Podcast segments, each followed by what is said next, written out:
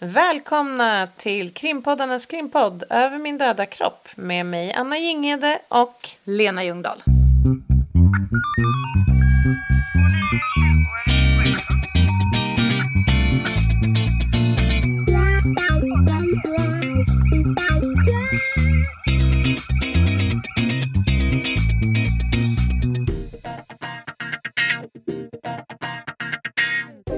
Lena. Yes. Minns du spanarna på Hill Street? Eh, vagt. Jag var lite, lite, lite för ung. Men jag, jag minns eh, öppningsscenen och att det var lite klatschiga one-liners. Ja.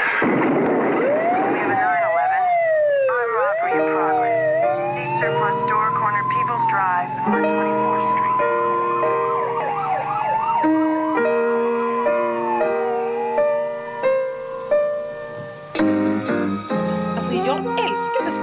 Street. Jag tror att eventuellt så har den serien lagt grunden för min poliskarriär. Jag tyckte det var så himla häftigt. Jag blev liksom inspirerad av det här gänget som satt där på, i den här salen och hade någon form av eh, utsättning och den här polismästaren, vad han nu hette, Easter Esterhouse eller vad sjutton han hette, pratade. Det var en riktig original.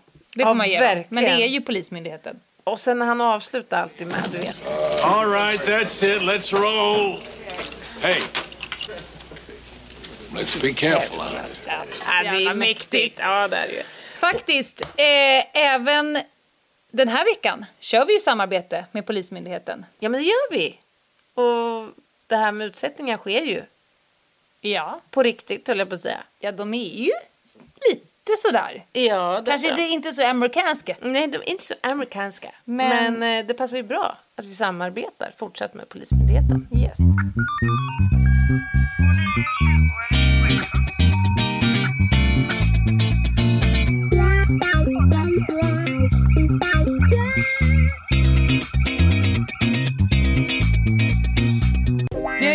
Klankat ner lite på film och krim och sådär. Men det är ju faktiskt en samling. Man sätter sig runt ett bord och säger olika saker. Ja, och det finns lite olika härliga karaktärer ofta i de här grupperna också. Kanske inte som på Spanarna på Hill Street, men i varje sån här grupp så alltså det finns ju Ja, ja, ja. olika personlighetstyper. Hela som, poliskåren är väl fylld av riktiga original. Ja, jo, det finns ett och annat. Men det finns ofta någon som är lite mer sådär pajas, som, vill, som vill skoja till det. Det finns ofta någon som eh, sladdar in sådär prick, liksom. Ja, that would be me. Det kan jag säga. Always late and sometimes worth the wait. Ja, och så finns det den där ordningsmannen som ser till så att Ja. flocken är samlad. Så finns det någon form av ordförande för sittningen, eller en gruppchef om man så vill. Ja, men de där funktionerna finns ju där. Och jag tänkte också på um, Tjuv och polis. Vi har ju Ja. precis spelat in säsong två. Ja. Och vi har ju fått frågan ett antal gånger. Alltså hur, hur funkar det? Återspeglar Tjuv och polis verkligheten?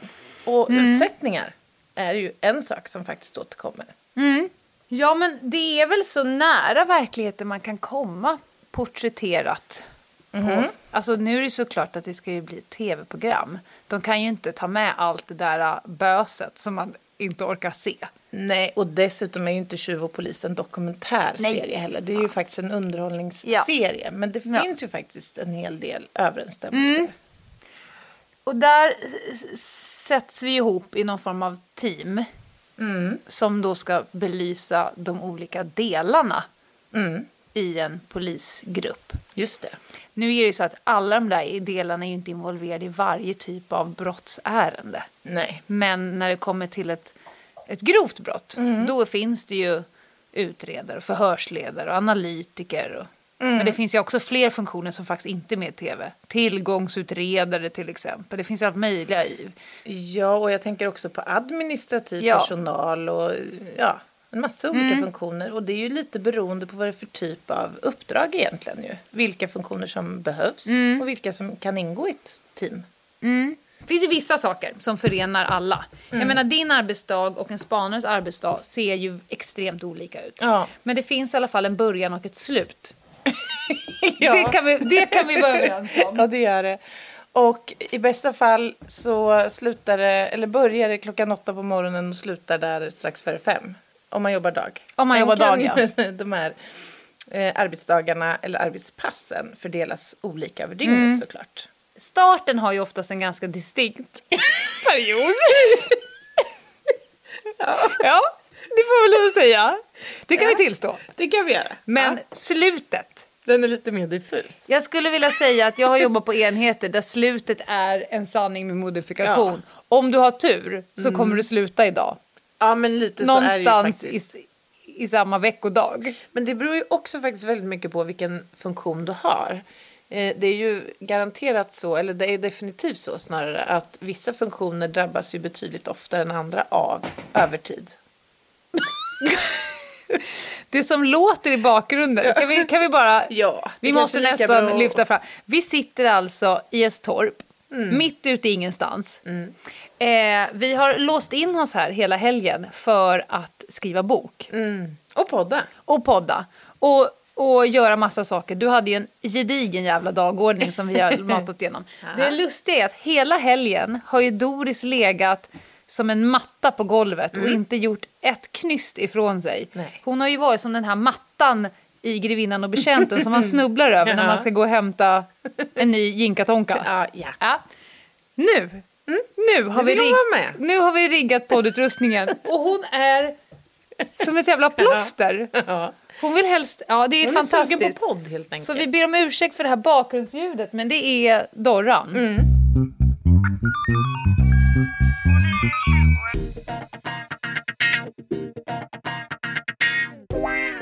Det som är nytt skulle jag säga från när jag jobbade framförallt på ordningen det är att man nu faktiskt jobbar lite mer med ordentliga start och avslutningssamtal. Men vad då sker de, för jag har ju hört talas om begreppen. Ja. Men är det här någonting som alltså sker numera rutinmässigt Ja. varje dag? Jag skulle säga ja, för att jag vill så gärna att ryktet ska vara sant. Och det låter proffsigt och det låter som att polisen såklart utvecklas. Det är jättebra, men kan inte du utveckla lite grann vad som ska ingå i de här då? Start och slutsamtalen och varför man har dem? Nu killgissar jag. Ja. Men jag tänker att syftet med det är ju för att man ska ha en gemensam lägesbild. Att man ska ha chans att säga om det är något särskilt i ens eh, prestanda. Alltså så som det var lite diffust när, när jag jobbade. Om man, hur man mådde och hur man, om det var något särskilt. Om man hade gjort 18 nattpass på raken. Eller om det är något särskilt som man behöver veta. Det jag tror är att det här är ju för att ha en uthållighet i polisens mående. Så, så, Eller åtminstone är det en jävligt positiv bi, bieffekt. Att man inte bara lastar på, lastar på, lastar på, lastar på så till slut så exploderar man. Ja, just det. Utan, för för det, blir- det blir ju en möjlighet att faktiskt fånga upp innan eh, liksom, man drar igång ett arbetspass. Inför kvällens pass, är det någon som har någonting att berätta? Är det någon som undrar någonting om det som hände igår? Och så avslutning. Är det någonting särskilt här vi behöver lyfta? Och ni som var på det där, ni kommer få prata. och- Inte, inte vet jag. Jag, tror att det fin- jag tycker att det verkar snyggt. Ja, men verkligen. Men- För jag har hört talas om begreppen men då har det mer varit, som jag har förstått, inför större insatser eller kommenderingar. I- Alltså i vissa, vid vissa Ja, tillfällen ska man ha ett start och ett eh, avslutningssamtal. Men det är ju jättebra tycker jag om man har överfört det här konceptet till det dagliga. Jag tror inte det sker överallt i Nej. Sverige. I alla fall inte. Men en god inte ledare kanske implementerar detta i det lilla. Det behöver inte vara någon stor, man Nej. behöver inte sitta i en, en ring på, på golv och rulla apelsin mellan varandra. Sjunga Vem är kungen i? Nej, det tror jag inte på. Nej. Men hur ser, din, hur ser din arbetsdag ut då? Starten? Ja, men starten är ju lite spanarna på Hill Street. Det är, vi har en utsättning helt enkelt. Vilka är på Och den? På utsättningen är ju då hela min grupp, min arbetsgrupp, alltså teknikerna i Örebro Mm. och våran gruppchef. Och upplägget är ofta detsamma. Man stämmer av vilka är här idag. Är det någon som är sjuk eller någon som är borta på något eh, annat just idag? Eller ja, sådär. Lite, lite det här som du är inne på med startsamtalets funktion. Så man stämmer av liksom i gruppen hur dagen kommer att se ut.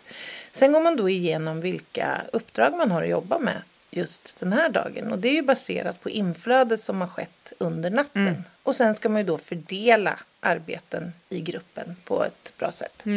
Alltså på span, då påbörjar man med ett pass och det börjar ju alltid med att man går in och sätter sig i utsättningsrummet. Och sen kommer ju spaningsledningen eller utredningschefen, eller både och. Och så drar de var man befinner sig i utredningen. Vi får höra vad spanarna som gjorde dagen eller gårdagen eller kvällen, vad de har varit med om. Och sen får man egentligen bara med sig en beställningslista ut. Att syftet med det här passet antingen bara att fortsätta kartlägga eller föröka eller så är det väldigt specifikt. Vi behöver ha ett foto på det här eller en iakttagelse kring det här. Eller om de här två träffas, då är det just nu det mest aktuella i utredningen. Och som spanare har man inte alltid koll på egentligen varför. Det är inte så jävla Nej. viktigt. Och det finns det, det upplever jag många som kanske spanar på mindre orter. Som har full koll på hela ärendet och alla inblandade. Ja, just. Eh, Men ju större case och ju fler inblandade så är, får man helt enkelt sitta nöjd med att veta att det är extra intressant om de här två träffas eller att få det här fotot. Eller, Ja, och jag tänker att för det mesta kanske det räcker också. Ja. Man behöver kanske inte alltid ha så himla mycket information Nej. för att kunna utföra sin uppgift. Nej. Om vi tänker då på tjuv och polis. Där blev vi ju ihopkastade. Lite olika funktioner. Ja. Som alla var liksom experter inom sitt område. Och där blir det ju väldigt tydligt att ingen funktion är ju viktigare än någon annan. Nej. Och allting jackar i varandra. Och det blev ju väldigt påtagligt tyckte jag, säsong ett av Tjuv och polis. Ja. Det här hur alla i teamet fick en sån viktig roll. Det blev så påtagligt där.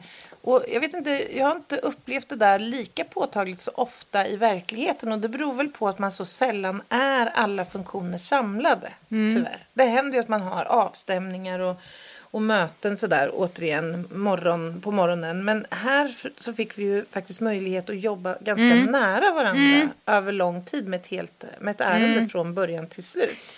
Ja, det håller jag nog med för att eh, jag kan inte minnas vid utsättningsbordet om en spangrupp ska iväg och jobba. De som sitter runt bordet det är ju de spanarna som kanske kliver av sitt pass, de spanarna som kliver på sitt pass, det vill säga man lämnar över informationen. Det sitter kanske en representant från utredarsidan. Det kanske sitter en analytiker där om det är något särskilt. Eh, Annars är det bara spaningsledaren som egentligen bara har fiskat upp från just det. inne i gänget vad som är viktigt för att sen förmedla det. Så de här utsättningarna där alla funktioner Är med, ja. jag skulle säga att som span har jag nog banne med väldigt få gånger haft en kriminaltekniker vid bordet på spaningsutsättningen. Nej, och det beror väl lite grann på kanske också att många uppdrag dröjer, eller vad ska man säga, eh, man behöver en viss tid på sig för att genomföra ett uppdrag och de här olika funktionerna kommer ju in i olika skeenden. Så att man behöver ju sällan ha en avstämning med alla funktioner. Det tycker jag var tydligt, tjuvpolis. För att ni, kriminalteknikerna, ni vet ju att från att ett brott begås, då är det ju extremt hög eh, arbetsintensitet för er. Inledningsvis. Brottsplatsundersökning, samla in och så vidare. Sen är det nog många som tror att sen är det slut för Ja, kriminalteknikerna. det tror jag är en vanlig Ja, föreställning. där var brottsplatsundersökningen klar. Men sen så sitter ju ni och pillar och sorterar och katalogiserar och Och jobbar Och med jobbar det vi har kommit in med. Precis. Spår och gods ska ju hanteras på liksom enligt konstens eh, alla principer. Och Vad bra att du tar upp det, för jag tror att det är en ganska vanlig ja, vanföreställning att kriminaltekniker jobbar väl mestadels ute på fält. Ja. Men faktum är att vi jobbar ganska intensivt sådär som du nämner Mm. i, i anslutning till att ett brott har begåtts. Men sen så sker ju den stora delen av arbetet Mm. faktiskt inne på polishuset. Dels med spåren och gossen och det, alla de här olika analyserna men framför allt med att skriva Mm. och fotografera och protokollera. Och, där har ju ni växlat ner tempo ganska rejält. ja, ja, verkligen. För att det inte ska bli hafsigt. Medan span sitter ju egentligen och bara trummar fingrarna mot bordsytan. Ja, men sammanfattningsvis om det här kan man ju säga att polisarbete är verkligen ett lagarbete. Om man inte är van att jobba i grupp eller team så blir det svårt att jobba som polis.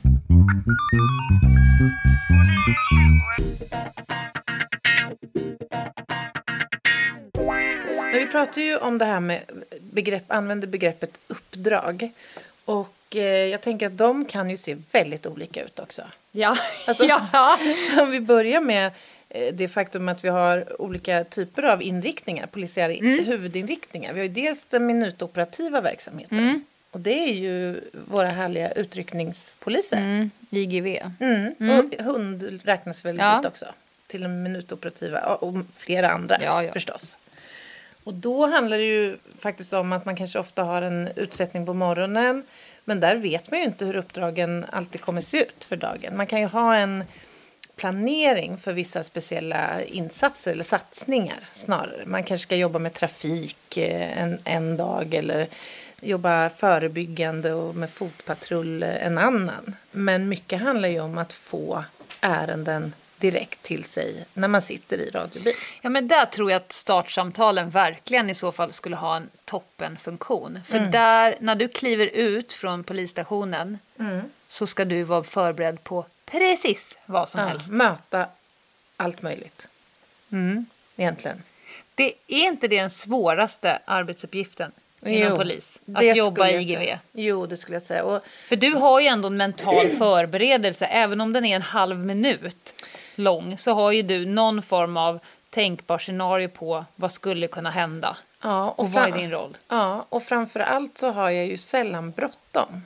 Jag har Ja. ju oftast möjlighet att planera mitt arbete. Och va- varför jag säger att om man kopplar till span, span är också sådär, jag har ingen aning vad som ska hända. Men det blir extremt sällan interaktion med andra personer. Det blir ju väldigt det ska ju inte bli eftersom då är det ju, då Ja. ska det gå om kurs A.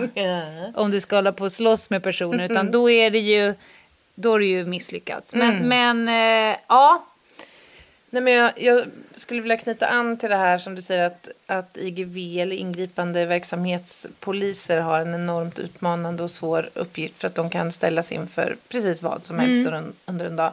Och det här tycker jag är så... Det är så synd att, in- att man inte pratar mer om det. För att det här är ju den polisiära funktion som utarmas mest. Som går oftast och mest på knäna och där det framförallt saknas resurs. Får och mest där, skit. Ja, får mest skit i liksom media och i alla tänkbara sammanhang. Och det är också den funktion där, där de flesta poliser stannar kortast tid. För att det är ju ganska förenat med hö, liksom hög belastning. Både fysisk och eh, psykisk naturligtvis. Men alltså, jag beundrar de här kollegorna som jobbar en hel karriär i yttre tjänst. Eller för den de delen. är ju balla alltså. Alltså, man, man måste ju ändå beundra dem. Eller hur?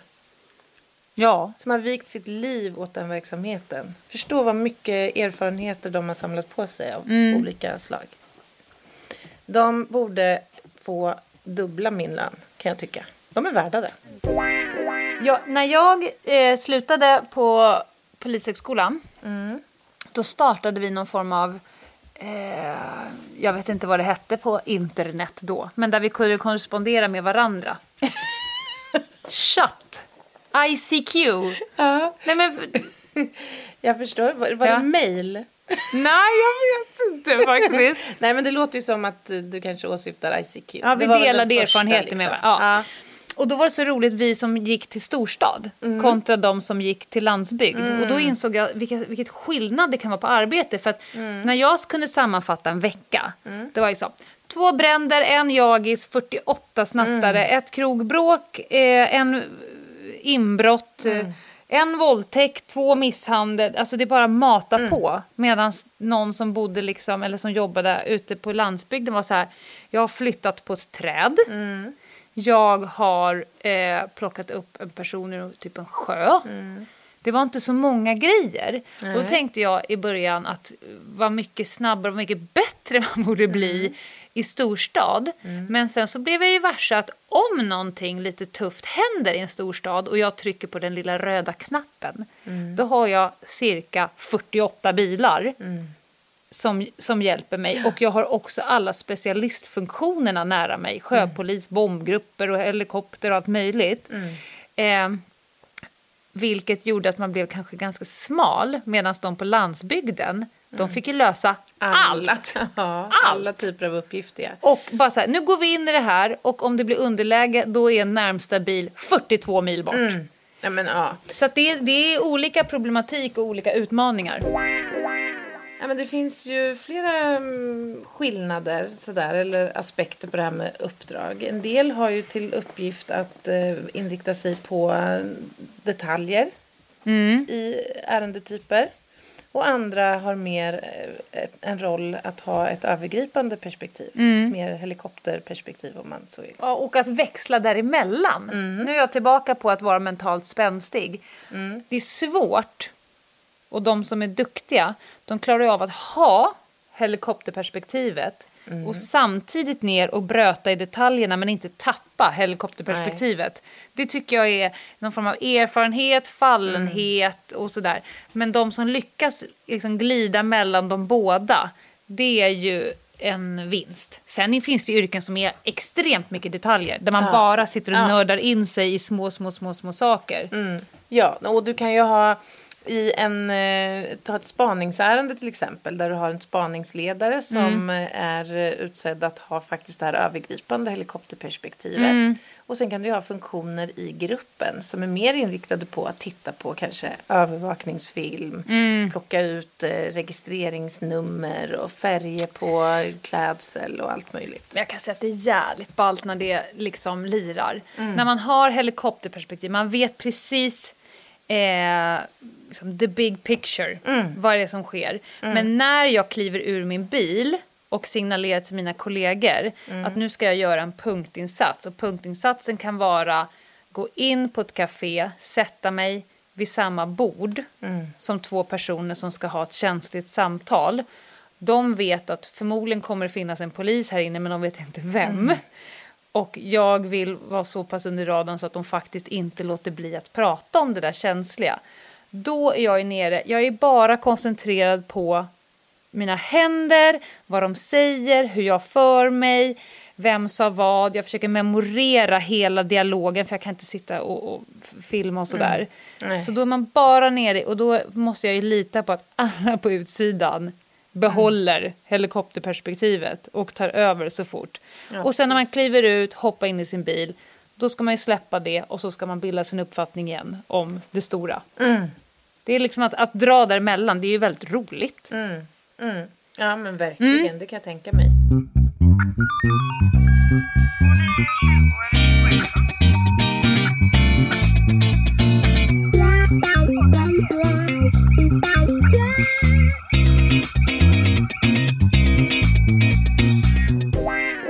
Vi pratat om hur en arbetsdag kan börja. Det är lite olika. Det kan vara olika för olika funktioner, det kan vara olika från dag till dag. Men folk kanske tror med att man kommer till stationen, tjena tjena, får på att man ska åka ut. Men det är ett jävla pyssel för att komma Ja. ut. Herregud, det är ju inte bara så att man sätter sig i en radiobil eller en annan typ av polisbil och drar ut på Jag har jobb. ju suttit och tittat lite på dig och Magnus när ni gör er redo för ett uppdrag. Ja. Det är ju som att titta på en buskisteater med Lars och Christer. Lars! Vad heter han då? Den här röda polon och. Stefan och Stefan och Christer. Men eh, okej, ja det är noterat. Ja. Det Eh, var in vadå? och, in och ut i olika rum. Ja, In, du ja. kom in med, med en väska, ut med en annan. Har du den? Vem har nyckeln? Var är väskan? Vem har kameran? Vad har jag på mig? Vad har du på dig? Vart står bilen? Vad finns i bilen? Har du tejp? Vem har avspärrningsband? Man sitter och tänker så här, ja, nu... Ja. I bästa fall kommer de komma ut innan Ja, eftermiddagsfikat. och har kläder på sig. Ja, men alltså du är helt rätt. Det är, Det är en cirkus. Så, ja, alltså, nu ska vi säga så här att man, när man gör tv och ska så att säga leka polis Ja. så är det ju så att man faktiskt inte har riktigt full strukt- eller så koll på var man har alla saker. I verkligheten så har man ju faktiskt väldigt bra ordning på sin utrustning och man kollar av, jag kollar av min utrustning regelbundet och ser så att den är redo så att säga för att tas i bruk. Men det är ett förbannat plockande med utrustning. Jag menar för det första så är det ju olika prylar jag behöver för olika typer av uppdrag. Och innan jag överhuvudtaget kan fundera på att ta mig ner och lasta fordonet, då ska jag lägga in mig i systemen så att man på ledningscentralen vet att jag ska ligga eller vara ansluten till en polisbil för den här dagen. Eh, ja, men det är en massa sånt där förberedelsemoment praktiskt som ska ske. Kolla så att batterierna är laddade i kameran och är de inte det så hämta sådana. Ja, men du vet massa plock av olika slag. Kanske läsa in sig på ärendet. Var ska jag någonstans? Har jag en adress? Vet jag var jag ska åka? Ja, du fattar. Ja, Jag kan relatera. Span har en del prylar. Ja, gud, ni har ju lika mycket. Men det är ju bara att det mesta ligger i skuffen på sin bil. Mm. Jag, ibland tänker jag så här, tänk om jag hade varit med i en trafikolycka. Mm. Och någon eh, öppnar, säg typ bärgningspersonalen, Mm. öppnar bagageluckan och tittar in i den. Det är ju en ensemble Mm. Av rätt så bisarra pryttlar. Men vad då ligger de löst där bak? Det är inte så Nej, att men- man liksom har någon form av utrustningsväska eller? Alltså, du får inte ha en enda pryl som ser polisiär ut. Nej. Det får inte finnas en enda sak som, som ropar taktik. Men jag tänker du skulle kunna ha Combat. kanske som en trollerilåda. Eller, Ja. och så öppna den där, Ja. där har du liksom Ja. lösnäsa. Det hade i och för sig varit jävligt opolisiärt om jag drog fram en sån här låda som man sågar isär någon person med. Det ratta, ingen tittar här, ingen tittar här, alla tittar där. Där. Nej, men jag skulle säga så här att det finns lika många olika typer av strukturer i en spanbil som det finns spanare. Aha. Någon är ju preussisk i sin ordning medan undertecknad kanske kör lite mer på det löser sig. Ja, men det, väl, det där speglar väl lite grann, tycker jag också, vilken personlighetstyp Ja, man är. såklart det gör. Det är ju faktiskt så att vissa är mer organiserade och strukturerade än, än andra, helt enkelt. Men så finns det ju vissa saker som alla måste göra likadant. Jag tänker till exempel det här när man ska beväpna sig. Hur man hanterar vapnet. Man kollar först, försäkrar sig om att det är tomt och plundrat. Och sen så förbereder man det, man hölstrar det. Och den här ritualen gör man ju på ungefär samma sätt. Och man beväpnar sig på olika sätt. Riggar på liksom allt man behöver för att åka ut och jobba. Så vissa moment återkommer ju. Men alltså nu, nu fick jag bara ett infall. Mm. Tror du, för avsnittet kanske flörtar med tjuv och polis. Mm. Tror du att tjuvarna håller på likadant och har utsättning, förbereder sig, Stridskissar. stridskissar, pratar ihop sig, kontrollerar utrustningen, tänker omfall A, omfall Ja. B. Vilken rolig fråga. Alltså jag tänker så här, vi har ju, eller jag har i alla fall fått den där frågan några gånger sen, sen vi gjorde säsong ett av Mm. Tjuvpolis. Så här, eh, är de här tjuvarna i tv-serien, motsvarar de kapaciteten och eh, tänket hos, som hos riktiga tjuvar så att säga. Och eh, det är klart att... Mm. Det är klart det inte gör. Nej, det är ju ganska rimligt. Alltså det är ju en helt annan sak. Alltså du har en helt annan motivation om du ska begå ett brott i underhållningssammanhang på tv. Det är ju vanliga, hedliga människor som, som hoppar på en helt knasig grej. För att, de tycker det verkar kul helt enkelt. Att testa vilken kapacitet man har som tjuv. Eh, och där finns det ju ett pris man kan vinna. Eh, som såklart är den primära drivkraften. Till skillnad från alla andra tjuvar. Som har olika i och för sig. Men ändå motivationsfaktorer som föranleder att man begår brottsliga gärningar. Att de har ju olika motiv, olika kapacitet Mm, ja. och så söker de ett tillfälle. Ja, och jag menar även inom gruppen tjuvar, om man får uttrycka sig så, så skiljer det sig ju. Alltså vissa begår ju brott i situationen för att tillfället ges, medan andra planerar sina brott en längre tid och så vidare. Nej, men en god kriminell, om man nu får säga så, om, de får, om det, man ser det som ett, ett yrke, då fan måste de förbereda sig. Ja, men det är klart. För Det är målet är ju att komma undan, Ja, men absolut. för de flesta. Ja, och det är Inte ju ett PDV, yrke men- för vissa. Jag har ju sagt många gånger till kriminella som jag har haft att göra med att om du hade ägnat den här energin som du har lagt på att begå det här brottet eller den här stöten på att skaffa en utbildning eller kanalisera den som företagsledare eller någonting annat. så hade du... dryg kommentar. Nej men vadå, det är ju sant. Många är ju smarta. Ja, absolut. Alltså många är grymma på om man jämställer... Säger du så då? Ja, men... Du har inte funderat på kammare och skaffa ett jobb? Nej, men alltså missförstå mig rätt. Det är klart jag inte på något sätt så här kränker en annan. Men jag menar att ja, det här är ju många gånger faktiskt intellektuella människor som begår brott. Ta mycket ekobrottslighet till Ja, ja. exempel. Det Smarta kräver ju. Ja, eller skattebrottslighet. Nu har inte jag varit i kontakt med, med de människorna såklart. Men, men det är ju inte... Nej, Alltså, men det har jag tänkt massor med gånger. De som är högt uppsatta till exempel inom, inom narkotikaorganisationer. De har en djävulsk eh, kommunikativ förmåga, de kan styra en större organisation, de kan tänka i alla möjliga Mm. eh, olika led och få ihop det. Det har jag tänkt också. Mm. Tänk om du hade kunnat satsa all den här energin och kreativiteten på någonting Mm. vettigt istället. Ja, men verkligen. Mm. Sen, sen är det ju stor, ett stort spann även där, såklart. Det är ju inte alla kriminella som tänker efter före och har en bra plan för sitt gig. Nej, det går ju ganska ofta inte hela vägen. Nej, det gör det begås inte det. misstag. Fast det är ju roligt om man eh, kopplar tillbaka till Tjuv och polis och säsong ett. Så kunde man ju verkligen se på de här som var med hur, oli- alltså, ska man säga, hur olika förutsättningar de hade på för att liksom, begå ett brott. Vissa hade ju en strategi i förhörssammanhang till exempel som gick ut på att jag ska inte säga någonting. Jag ska inte vika ner mig och de gjorde det svårt för oss. Medan andra blev så stressade av situationen och hade inte alls liksom den, den rätta, vad ska man säga. Alltså de klarade inte att hålla ut och stå emot. Det var jättejobbigt och det tror jag inte de hade riktigt räknat med liksom. Nej. Ehm. Men, men eh, det var bra att de bara att de har andra yrken. Jag vet inte om någon skulle klara en karriär Nej. i det nej. långa loppet. nej, så Nej. är det nog. Så är det nog faktiskt.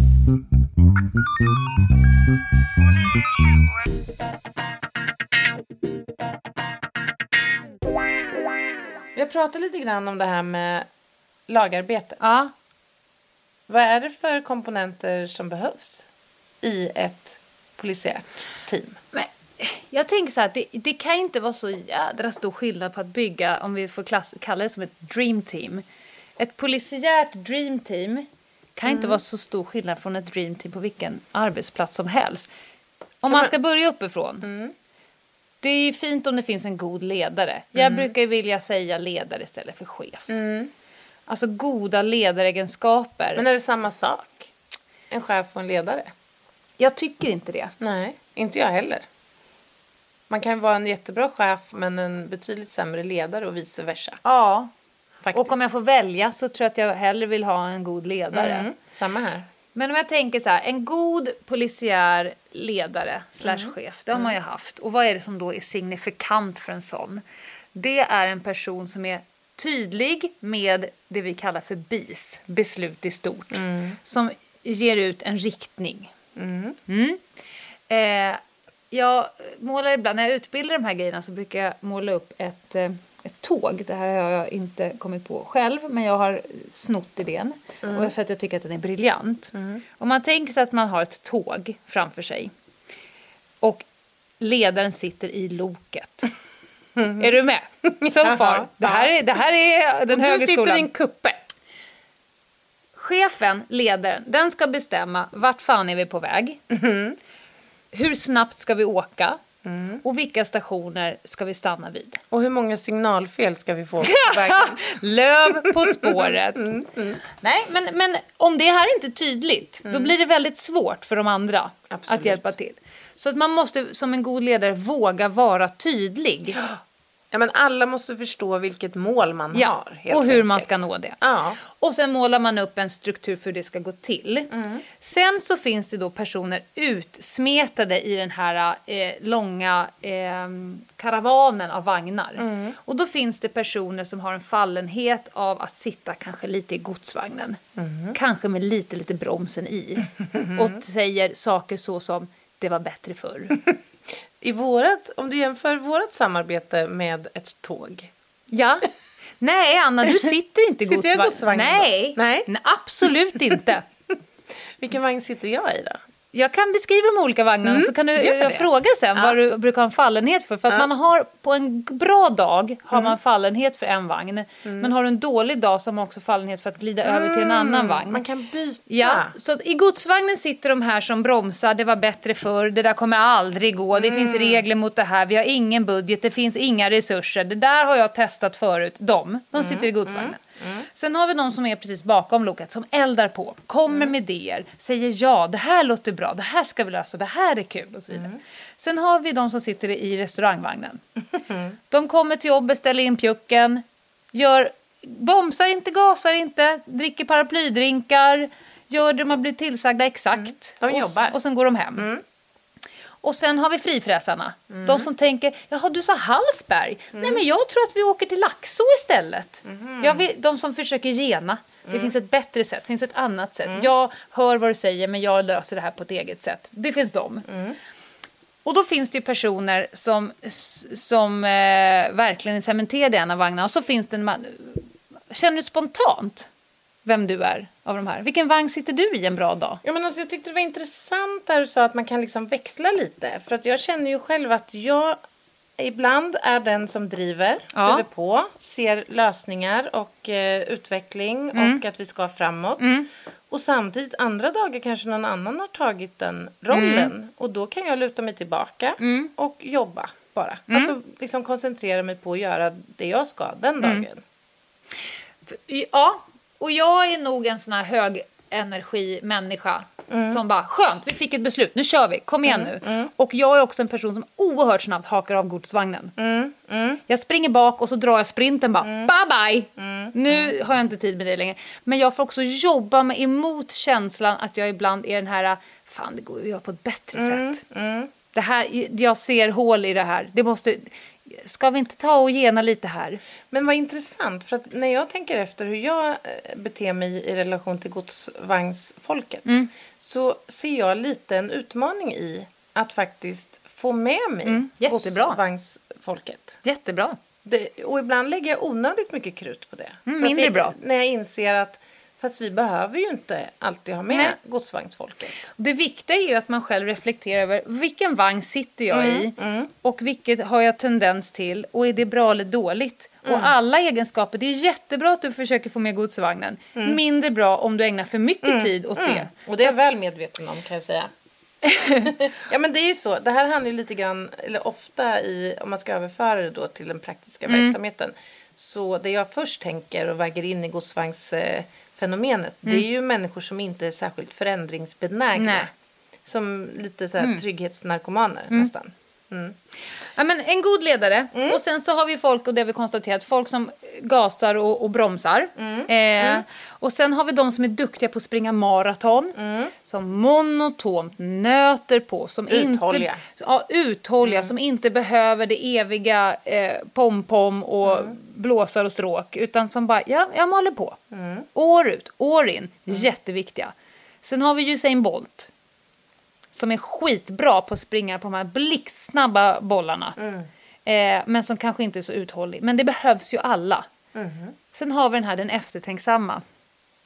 Alltid när vi gjorde husrannsakan så sprang ju några längst in. Några ville stå närmast och se när piketen flisade sönder dörren. Någon sprang rakt in, in på de här ställena. Och så hade vi en tjej i gruppen som hette Charlotte.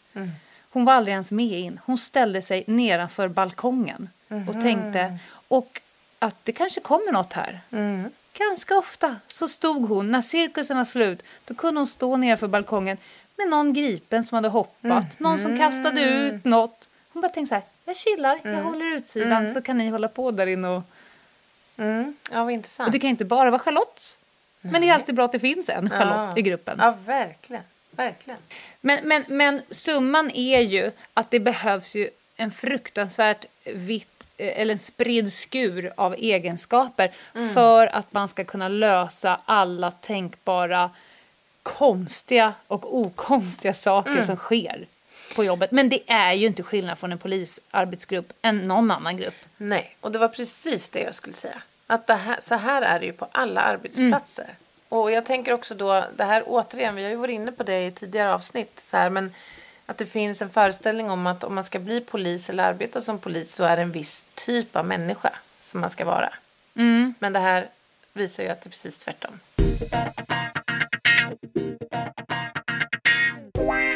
Men du, vad är det som gör då tror du? Är det, är det de här personlighetstyperna som skildrar vilken typ av polisiär funktion man väljer eller hamnar i under sin karriär? Ja, men lite. Alltså är man en maratonjobbare eh, jobbare, så kanske man inte söker sig till extremt minutoperativa, flaxiga jobb.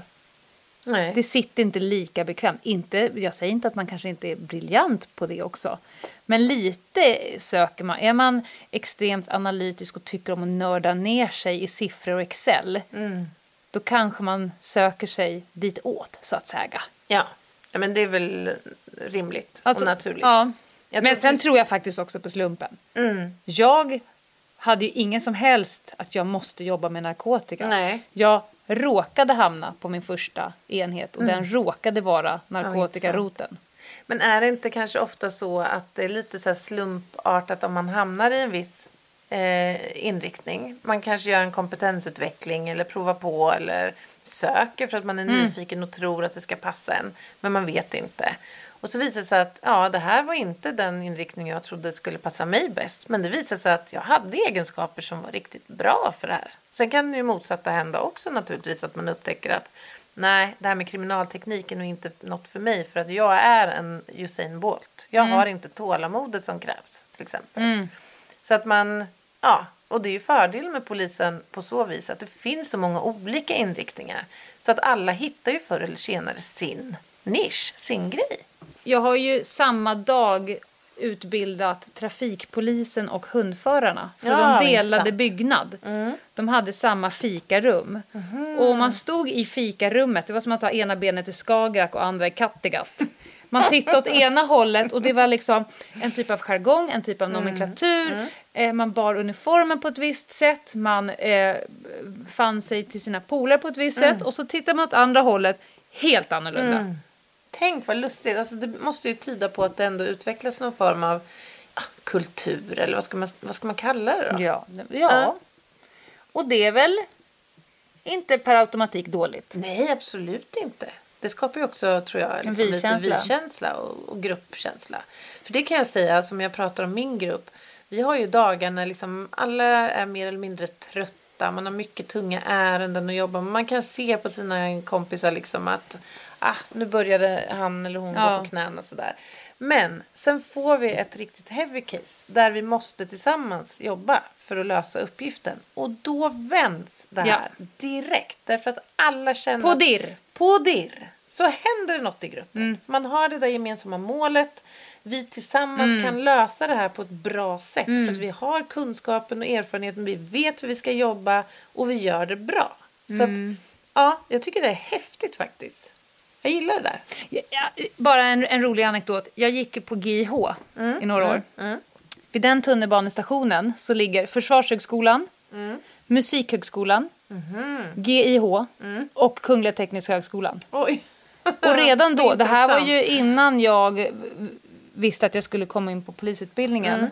Mm. Redan där så har jag, jag har ju alltid haft en sinne för att titta på folk. Mm. Så jävla roligt att se på tunnelbanan vilka som skulle till vilka. Pinpointa. Och då vill jag ju säga, det är självklart att det finns personer som gick åt fel håll. Mm. Från min, det är ju fördomar, sannolikhetslära och så vidare. Mm.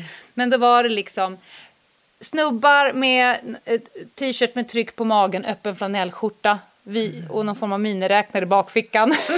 Gick till KTH. Sen hade vi de välsnaggade människorna. Det var i och för sig lite för lätt om de hade uniform. Men de gick på ett visst sätt. Raka ryggar Ja, och välputsade skor. Och, det. Ja. och sen hade vi de personerna i olika brokiga färger och kanske eh, sjalar och eh, ja, men, esteter. Det går ju så som jag kanske ser ut privat. Ska jag säga. Och sen GIH, då var det ryggsäck till topps bäste far.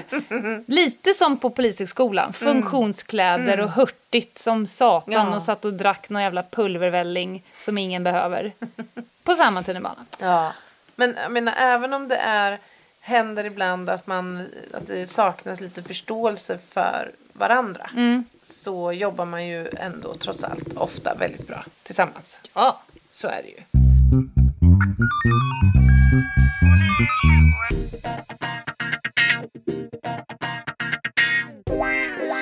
Men du, jag tänker så här. Man ska ju också förhoppningsvis gå hem från jobbet. Och helst i rätt tid. Vad gör man då? Eh, man kommer till stationen. Eh, förhoppningsvis i rätt tid, som du sa. Man eh, dunkar av sig utrustning.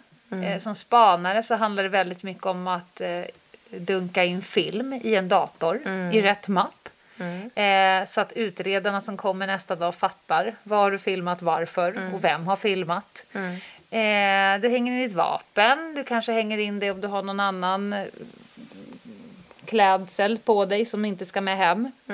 Eh, jag brukar tvätta mina händer. Tack. Fästa för på det. Du tvättar ju också hela ditt ansikte i alkogel. Fan vad äckligt det det där du berättade. Med att du hade tryckt upp en kamera med förruttnelsevätska, gnussa den mot dina kinder. Ja, men alltså det är så man, när man jobbar som tekniker då är det ju väldigt många olika typer av jobb man är ute på. Man har ju sin kamera med sig alltid. Och man försöker ju vara ultranoga med sin hygien naturligtvis. Jobbar man med en avliden som är ganska vanligt att vi åker ut och undersöker. Ja men då kanske man sätter på sig fem handskar liksom. För att kunna snabbt ta av sig en om man har blivit smutsig och sådär. Men så, det är ibland svårt att hålla liksom allt helt sterilt. Det blir inte men rent sådär. Och då kan det ibland räcka med lite lite små partiklar på en kamera så kan det lukta ganska illa. Och det var det som hände. Och sen så när du hade haft den mot dina kinder så luktade även du. Ja, det kändes så i alla fall. Men kameran måste ju vara lika äcklig som ett par handskar. Ja, men kameran är ju inte ren. Alltså den blir ju, så är det ju. Och Det är den svårt att går tvätta inte, ja det går ju liksom inte att sänka ner en kamera i ett eh, ultrabad. Det går. Ja, det men sen har du kamerat klart. Ja, ja, ja, precis. Ja, men du nämner ju en massa olika praktiska moment och det är ungefär samma som man då gör såklart när man ger sig ut på Mm. jobb på morgonen. Om man nu pratar om de som lämnar polishuset. Men jag tänker också på andra saker. För det är inte, om jag talar för mig själv så är det till exempel inte ovanligt att jag kan komma tillbaka efter en hel arbetsdag och inte hunnit vara på toaletten. Jag kanske inte ätit Mm. lunch. Det är mycket sådana såna här primära Ja. behov som ska tillgodoses då. Och det vet jag att, att ibland att folk kan bli lite irriterade på. Men om man då tänker att man ska försöka göra ett bra jobb när man är på Vadå plats. irriterade på? Nej men eh, säg att eh, det har varit ett dödsfall. Mm. Eh, Eller en, eh, en klassisk som vi kallar lägenhetsundersökning. Mm. Att man som första polispatrull ska åka dit och, och utreda huruvida det är en död person Mm. där inne innan man ringer eventuella tekniker. Eh, att det sjuka, att stanna på vägen och gå in och handla mat och sätta sig i lugn och ro och äta i bilen. Det tror jag kanske kan sticka lite ögonen på folk. Varför? Ja men Om du inte äter och får i dig mat då kommer Exakt. du inte göra ett bra arbete heller. nej. Nej, nej, det är ju just därför man gör det. För man vet att när, från att jag kliver innanför dörren och det är ett dödsfall och jag ska vänta på rättsläkare och jag ska vänta på politi och så vidare. Det kan ju vara tio timmar. Snacka, ja, absolut. Och då vill det till så att man äter på vägen fram. Men då kan ibland, jag har ju till och med tagit med mig mat till brottsplatser. För att det kanske har varit semi-bråttom. Jaha. Men då sladda in med liksom en matpåse, det kan ju vara lite om man inte har Ja, förståelse du menar för. så att man skulle... Ja, ja, jag förstår. Jag, ja. Det här är ju liksom fattar. det mest hemska som har hänt oss och du fokuserar på att dig mat. Ja, ja, jag förstår. Jag Ja, förstår. men det är för att jag ska göra ett bra arbete på plats. Jag ska vara uthållig över tid. Därför stannade jag till och köpte mig en matbit. Ja. Ja, men det där är Men sen viktigt. finns det andra såna här förberedelser. Jag vet ju när jag har eh, behövt åka på såna här eh, kommenderingar. Ja, det var ju ganska mycket förr i världen, så här reclaimed streets och så Mhm. vidare. Jag kan nog säga helt ärligt att jag pussade en extra gång på sonen innan jag åkte iväg. Ja, men Med någon ju, form av svag förhoppning om att komma hem i, i, i ett stycke. det här är ju faktiskt väldigt viktigt, tycker jag. Uppehålla sig lite vid. Ja. För, för jag kan ju relatera till det där. Jag kan förstå känslan i alla fall eh, och hur man tänker. Men det är ju faktiskt så att det är ju speciellt polisyrket på det sättet. Man vet inte vad man kommer ställa sig inför för, för olika typer av situationer under ett arbetspass. Nej. Och vi utsätts ju faktiskt för våld. Mm. Eh, och andra typer av faktiskt farliga situationer. Och det skiljer polisyrket från många andra yrken. Mm. Så det är klart att man blir också ödmjuk inför det faktum liksom, att man faktiskt kan utsättas för saker Mm. som kan innebära en, en fara och en risk för en. Och det händer ju också några Gud. gånger varje år. Gud, jag ju på väg åkt till jobbet och med vetskap om att idag kommer jag vara ganska rädd på jobbet. Mm. Eh, och sen så lite mindre, eh, eh, mindre saker som kan angripa en. Mygg. Mm. som spanare och veta att i natt kommer jag ligga på ett tunt liggunderlag under en gran Ja. och titta mot ett hus. Då badar man ju i mygg- Djungelolja. djungelolja innan. Det finns små, små, små saker som kan vara eh, skillnaden på succé och fullständig misär. Ja. Och då är det ju mat, solskydd, myggskydd, kissa, bajsa, Värme, värme, Mm. Torr. Mm. Mm. Eh, att tänka på det och eh, att packa den lilla bortamatchväskan. Oj, den tar du med dig till Nej, jobbet. det är inte så att jag tror att så här, ja, ja, man vet ju inte. jag stänger inga Jag dörrar. stänger inga dörrar idag. Juan dyker upp. Don Juan. Don Juan. Nej, men att packa en liten picohusut Mm. och passo pesetas, det är inte helt orimligt eftersom du inte vet var du kommer avsluta ditt pass. Ja, pass och pesetas har jag aldrig känt ett behov av att packa med mig till jobbet. Nej, men om man jobbar med internationell, om man jobbar med smugglingsbrott, förstår. eh, så vet du ju inte var du kommer avsluta ditt arbetspass. Nej. Nej. Nej, men jag förstår. Och Alltså, då vill man inte eh, stå där 120 mil från sitt hem i kläder som du har haft på dig i 14 timmar Nej. och borsta tänderna med fingret och en klutt. Det här handlar ju faktiskt Skokräm. om... Nej, precis. Och det här handlar ju faktiskt om det som man förr kallade för mental förberedelse på lång sikt. Mm. Att förbereda sig för inför vad en arbetsdag eventuellt kan Mm. bjuda på, så att säga. Eh, och det är ganska skönt. Om man nu råkar gå ner i, en, i ett kärr och bli blöt upp till Mm. knäna så är det ganska skönt att ha eh, ett par extra uniformsbrallor och torra strumpor. Och kängor. Ja, det är skönt och det kan göra dig uthållig och professionell i, fortsatt i arbetspasset. Ja, men visst är det så. Jag tänkte... Är du sugen på en lista? Ja, så jävla sugen på en lista. Veckans lista. Det är så att vi har ju pratat lite grann om olika typer av förberedelser. Ja. Och på något sätt ritualer. ja. Och då tänkte jag så här att poliser är ju inte den enda yrkesgrupp såklart som har ritualer för sig. Nej. Och en annan yrkesgrupp, om man nu kan kalla dem det, det måste man kunna göra, eh, som jag tänkte på, det är idrottsmän. Professionella idrottsmän som, som har också ja, men, idrotten som sitt yrke. Och jag ser bara Stefan Holm framför mig Ja, nu. ja. Jag tänkte också först på Stefan Holm. Han har ju lite ritualer för sig innan han börjar jobba. Ja. Det Innan han går till jobbet. Det dras i trikån, Ja, ja. bland annat. ja. Men jag har ju såklart vänt mig. Jag har frågat, jag har frågat internet. Jag älskar när du frågar internet. Jag lutar mig tillbaka Ja, och det. låter det hända bara. Vi var ju inne på det här med eh, att eh, försöka tömma tarm och blåsa innan man åker Ja. Mm. ut på ett jobb. Och det verkar vara väldigt vanligt förekommande i idrotts, idrottens Ja. värld också. Ja. Plats nummer fem.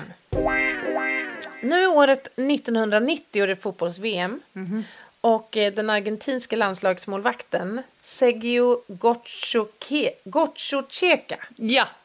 han bestämde sig för att urinera på planen innan motståndarlaget, som i det här fallet var Jugoslavien, skulle skjuta en straff. Och det visade sig fungera. Så han fortsatte med det här beteendet. Men vänta, vänta, vänta. Vad? Vänta, vänta. Urinerar han på motståndarlaget? nej, det tror jag inte, utan på planen. Någonstans. Får man det? Vad äckligt. Det är nog tveksamt att man får det. Men han upplevde att det här hjälpte honom. Han räddade straffen och fortsatte med det här. Eh, och i en intervju, eller jag, jag läste ju om det här Ja. på... Där framgick då att eh, han ville betona att det här ska ha skett väldigt diskret. Men, men vänta, han menar alltså att, att motståndarlaget missar straffen Mm, på för att grund han av- har kissat Ja, på planen. ja. Inte som en psykning. Det är inte Nej. att motståndarlaget ser att där står han och slänger med snaben. Nej, du tänker att de skulle ha blivit helt skärrade ja, och missat. de blir besatta i chock. Ja. Nej, utan jag uppfattade att det här var liksom en rituell grej han gjorde. Men det, det jag reagerar på det är när han säger att det här ska ha skett diskret. Det kan ju inte ha varit... Han lät det bara rinna längs benet ja, det är det kanske. jag undrar. Det, det kan ju inte ha varit jättemycket folk på den där. Ja, men det var ju ändå Det fotbolls-VM. måste ha varit lättare att ha haft en jätte, jätteliten voodoo-docka att pilla på. Ja, ja, vad som helst hade väl varit lättare. diskret. Men vänta, fotbolls-VM, är det, inte, är det inte några som faktiskt tittar Jo, på det där? det brukar väl vara några miljoner. Det här måste ju finnas dokumenterat. Jag ska genast gå Ja, tillbaka till ja, arkivet ja. och titta på. Ja, det kanske finns till och Det med. måste du göra. Ja, vi ska kolla upp det där. Ja. Men, och det här temat återkommer när man Ja. söker efter ritualer i idrottens värld. Och eh, nu kommer vi till plats nummer fyra. Ja. Då pratar vi om en amerikansk baseballspelare, Moises Alou. Han brukade urinera på sina händer för att stärka dem. För att han, han trodde då att de, alltså det var någon form av behandling för händerna så att de skulle bli hårdare och tåligare. Vad säger du som är syraexperten här? Funkar det med urin på händerna upprepat över tid? Blir de hårdare? Och... Jag kan inte säga, alltså syran som jag jobbar med jobbar mycket med ansiktet. Jag kan inte säga att jag den vägen har vandrat, Nej, att jag har nej. testat urinet. Nej. Men Faktum är att eh, urin har ju inte den effekten, tvärtom. Det kan ju faktiskt till och med skapa rodnad och irritation på händerna. ja, det, ja, Så att eh, det, men, men för honom, för Moises Alou verkar ha fungerat. Eh, Ja. ja. det, den äckligaste, plats nummer tre. På temat urin och ritualer. Det får man nog ändå säga att MMA-fighten Lyoto Machida har. Eh, eller vad tycker du om att dricka sitt eget urin varje morgon? ja. Han drabbades av en förkylning och en envis hosta. Och så testade han det här. Jag tar, jag tar en slurk. Jag har hostmedicin här. Eller ska Jag Varför ta... testar ja, han det? det Är här? oklart. Det är oklart. Du måste gå till botten med det här, Anna. Men det här fungerade så att han, eh, han har fortsatt med det här ja, beteendet. han fortsätter dricka Ja. sin urin. Ja. Det är glatt. ja, det är glatt. Det, det friskar upp Ja. ändå. Sen har vi eh, Mike Bibby. En gammal eh, basketspelare. ja. Han var besatt av att tugga på sina Nej, naglar. men det är så äckligt! Ja, men jag tror att det var naglarna på händerna i alla fall. Var det hans egna händer? Ja, det får man ju verkligen hoppas. Men Eller om han diskret tuggade på motståndarlagets händer? Ja, på stortånagel Nej, på domaren eller något. Nej, men och eh. Det här var så påtagligt för honom så att han förberedde sig då för de här kommande nervösa stunderna under en match. Så han hade preppat på avbytarbänken eller i, på båset då med nagelklippare. Så så fort det blev timeout och nervositeten steg, Ja. ja då rusade han ut Ja. och Ja. klippte på. Hur, hur ofta spelar de match? Ja, det är oklart. Jag tänker i NBA, de lär väl spela typ tre matcher i veckan eller någonting. Men hur mycket nagel har ja, det är han? oklart. Det är oklart. Han måste ju vara nere på andra falangen Ja, det, och, och karva. ja, de var sannolikt väldigt korta i slutet av en säsong. Jag tänker så här bara. Mm. Det är dumt just som basketspelare att gnaga ner sig själv till knogen. Ja. De eh, jobbar ju ganska mycket hand. Ja, men det är precis. Å andra sidan kommer han aldrig bli avdömd för fösning. Nej. Nej, sannolikt inte. Gud vad äckligt. Ja. Har du en ja, plats speciellt. Ja, vi kör plats nummer ett. Jason Giambi, en amerikansk baseballspelare. Han hade en ganska speciell rutin också. Han eh, hamnade ibland i formsvackor. Och Mm. han utforskade då olika sätt att försöka ta sig ur den Mm. här svackan. Och du vet, har du hört talas om det här knepet som man kan ha om man ska föreläsa och känner sig väldigt nervös? Då ska man föreställa sig publiken Mm. nakna. Jag, jag, jag förstår inte riktigt hur det här skulle ha en positiv effekt på mig i bemärkelsen att jag skulle känna mig mindre nervös och lugn på en scen. Jag skulle bli oerhört Men- brydd över om det satt 50 nakna personer och glodde på mig. Eller? Och för, jag skulle bli så jädra nyfiken också. Nej. Och se hur de här olika såg. Ja, du tänker att du går in på detalj? Ja, men Alltså, det skulle man väl ändå tycka vore lite Nej. spännande. Nej. Jag skulle ju helt tappa fokus. Nej, men Jason Giambi, han jobbar lite på samma tema. Ja. För att när han kom in i sina formsvackor då satte han nämligen på sig ett par citat spexiga stringkalsonger. Inför matcherna. Alltså om du tänker dig på spexiga piccohosot. Men spe- spexiga. Ja, ja. Och då menar han att det här... Jag, jag var tvungen att läsa två gånger för jag tänkte, står det sexiga stringkalsonger? Nej, det finns inget sexigt med stringkalsonger. Det är helt precis. omöjligt. Det var exakt den slutsats jag också drog. Så Ja. att, ja, jag insåg att men de menar spexiga då. Hur, hur nu ett par Men spexiga spexiga, stringkalsonger är det ut. som clown? Ja, jag vet inte. Näsor? det, ja, jo, klart. Men i alla fall när han gjorde det här, Ja. då liksom glömde han ju bort att, jag vet inte om det fick honom på gott humör, för han glömde bort då de här missarna han hade gjort och formsvackan han befann sig i. Så ja, och då framgick av den här texten att då började han helt plötsligt träffa bollarna hårt igen, stod det. Fy fan vad dåligt Anna. Ja, eller hur? Ja, nej men vi kan väl konstatera att vi har alla olika sätt och rutiner att eh, attackera en eh, arbetsdag. Vi kan också konstatera återigen att din Google-historik Är, är det sjukaste. ja, den är i sjukaste laget, men jag bjussar på det. Det bjussar. Ja. Ja, Jaha, ja, det var det här avsnittet. det var det hela. Det var det hela. Eh, vi eh, ska väl eh, säga som så att på måndag så släpper vi en veckans spaning. Mm. Den ska ni hålla utkik efter. Eh, och vi vill gärna att ni hör av er till oss om ni har frågor och tankar eller funderingar. Mm. Och eftersom även det här avsnittet var i samarbete med Polismyndigheten så vill vi också skicka dem till polisen.se bli polis om du är sugen på det. Och då tänker jag ta tillfället i akt och avsluta det här avsnittet med att säga Be careful out there. Älskar det. Hej då. Hej då!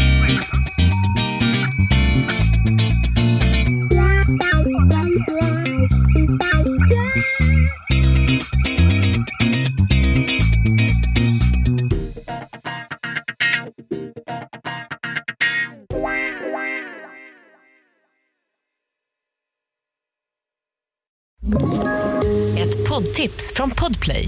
I fallen jag aldrig glömmer djupdyker Hasse Aro i arbetet bakom några av Sveriges mest uppseendeväckande brottsutredningar. Går vi in med hemlig telefonavlyssning och, och då upplever vi att vi får en total förändring av hans beteende. Vad är det som händer nu? Vem är det som läcker? Och så säger han att jag är kriminell, jag har varit kriminell i hela mitt liv men att mörda ett barn, där går min gräns. Nya säsongen av Fallen jag aldrig glömmer på Podplay.